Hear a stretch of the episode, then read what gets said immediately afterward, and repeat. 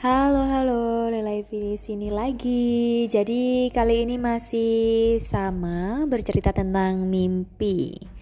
Bisa jadi ini mimpiku, mimpi kawanku, mimpi kawannya kawanku, mimpi nenek moyangku bahkan ya. Langsung aja mulai. Mimpi 25 Februari 2021. Rasanya seperti bukan di rumah, jadi di sebuah sungai kecil di dekat rumah aku terbawa uh, terbawa arus. Sorry sorry. Dan airnya seperti air banjir warnanya coklat gitu. Masih bertahan aku mencoba bertahan karena terbawa arus. Dan aku ingat waktu itu aku memanggil nama seseorang ya nama Wardi saya nggak tahu. Dan aku nggak tahu dan nggak kenal siapa nama itu di dunia nyata. Tapi dia tak datang nolong aku nggak nggak nggak nggak datang. Padahal dia nengok. Aku nggak tahu dia siapa tapi aku panggil nama dia. Dia nengok malah ngelanjutin obrolannya dengan orang lain. Nah sekejap hilang tuh. Um, aku sekejap hilang tiba-tiba membawa dompet dompetnya kayak dalam plastik gitu jatuh ke arus itu. Nah pusaran melingkar gitu. Wah aku minta tolong lagi dong.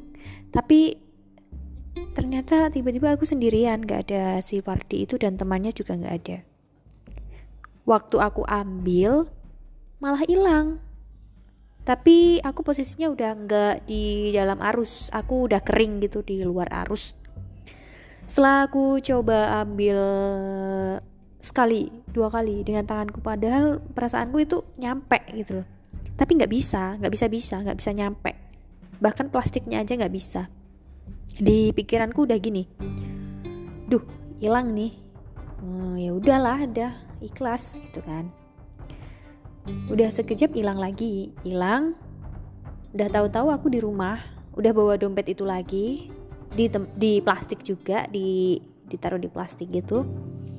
Rasanya seperti kebelet ya sorry kebelet mm, buang air kecil tapi mau ke kamar mandi malah ini nih serem terjadi sesuatu yang serem. Mimpinya itu kayak nyata banget gitu nyata banget gitu. Dan aku aku ke kamar mandi ceritanya gini ya di dalam mimpi itu aku ke kamar mandi nih.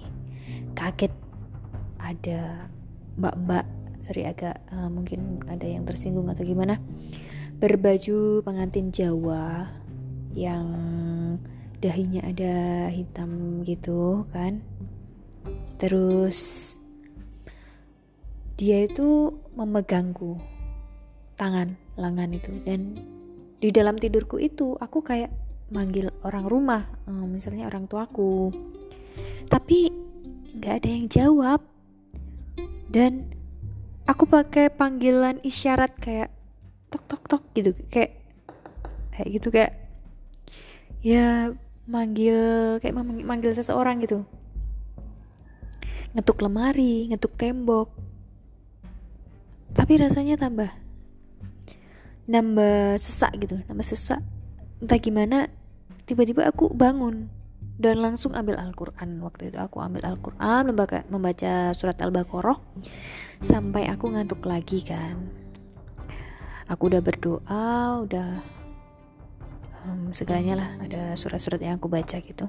Dalam tidurku entah rasanya masih seperti nyata masih nyata banget. Nyata bisa aku merasakan angin angin malam yang kena kulit aku gitu masih.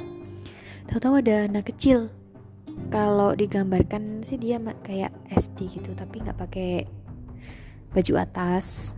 Kalau digambarkan lagi kayak tuyul tuyulnya yang tuyul di sinetron sinetron gitu ya pakai celana putih. Gitu. Aku kembali sesak karena diganggu sama tuyul itu diganggu bener-bener kayak ayo ayo ayo gitu. Aku dipanggil aku panggil tuh dipanggil namaku sama tuyul itu terus aku teriak orang tuaku kan aku teriak orang tuaku dan orang tuaku datang nah anehnya ditangkap itu tuyul kok bisa? Kok bisa? Aku bingung. Kok bisa? Malah digendong dibercandain gitu mau dimasukin ke tong sampah. Eh gak jadi nggak jadi gitu. Hayu hayu hayu kayak gitu. Kayak mainan sama anak-anak gitu loh. Dan lanjut ya ini masih di mengenai tuyul gitulah akhirnya tuyul itu pergi keluar diusir sama orang tua aku kamu gak usah di sini. Kamu ganggu gitu kan. Aku lari ke kamar saudaraku. Sempat makan biskuit sih di situ. Entah gak tahu kan namanya juga lapar mungkin ya enak. Dan lihat TV ceritanya itu kan aku mau ke kembali ke kamar. Eh lihat salah satu hantu yang menurut aku paling serem. Eh, bukan paling serem ya tergolong serem. Uh, putih. Um, gimana ya aku nyebutnya? Aku takut uh, pocong gitu ya pocong. Aku benar-benar sesak. Benar-benar sesak manggil saudaraku. Aku dan tiba-tiba saudaraku yang tadinya makan biskuit sama aku itu nggak ada. Jadi aku sendirian lagi. Orang tuaku juga nggak ada dan mereka dipanggil tuh nggak denger dengar aku aku bener-bener kayak susah nafas gitu susah nafas terus dan karena sendiri juga dan si hantu itu nggak hilang-hilang malah ikut lihat TV aku mau ngakak dan antara ngakak dan serem gitu loh. Dan aku tengok lagi kan itu jaraknya sekitar satu meter lah dari eh satu dua dua meter lima. Pokoknya aku tengok lagi Aku tengok lagi, masih gak hilang. Malah dia datangi aku dan aku teriak dong. Kayak rasanya gak ada yang denger gitu loh. Gak ada yang denger. Sampai aku bahasa isyaratnya aku ketuk lagi, ketuk pintu, pintu tembok apalah itu dan sampai ada pada akhirnya aku terbangun.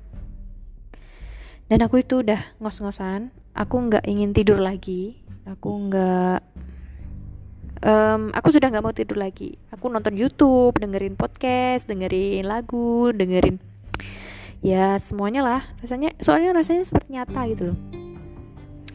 Dan akhirnya karena angin malam terlalu dingin dan rasanya ada sesuatu di luar kamarku aku merasa hmm, aku harus baca Al-Quran nih. Aku lanjut baca Al-Quran lagi lanjutkan yang tadi. Um, Oh ya ya ada yang kelupaan. Ternyata yang ortoku datang membantu mengusir si tuyul itu tadi itu termasuk dalam mimpi. Aku belum bangun. Ternyata aku aku pikir itu nyata. Aku pikir itu aku sudah bangun. Aku dibantu. Aku dibantu ke orang tuaku ke kamar gitu. Oke lanjut.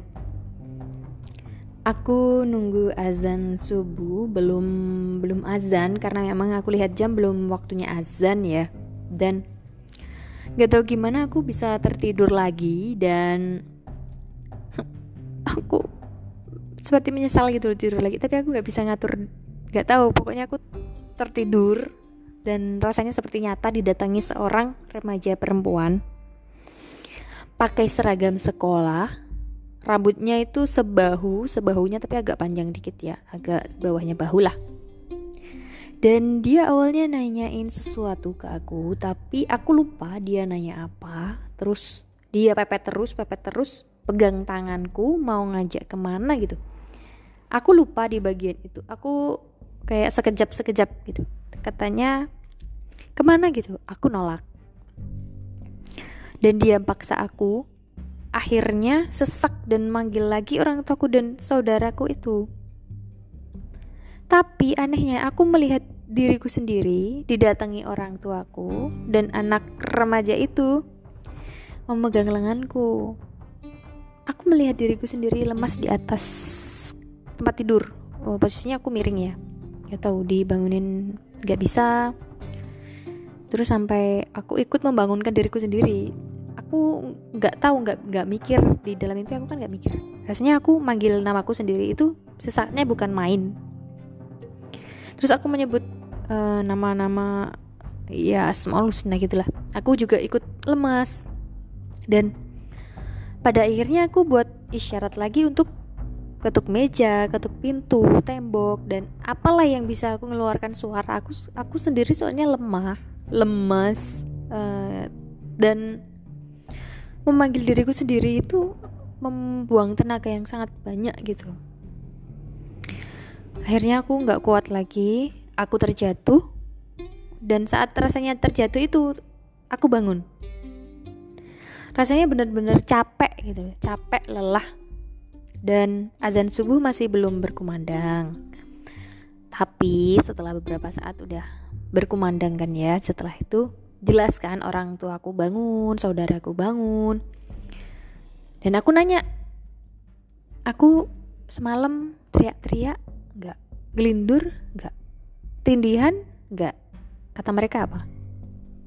Enggak ya ampun. Aku merasa itu bener-bener kayak nyata tapi itu mimpi. Itu mimpi aku tahu. Ya itulah mimpi bunga tidur. Nah, gitu teman-teman ceritanya. Malam yang singkat dengan mimpi yang sangat panjang.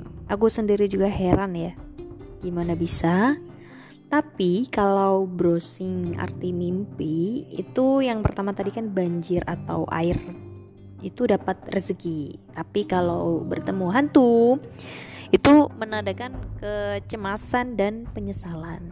Nah, semua makna dari Google boleh percaya atau tidak percaya ya. Um, itu semua bergantung kalian. Bye bye. Saya Levi akan berbagi cerita mimpi lagi. Bye.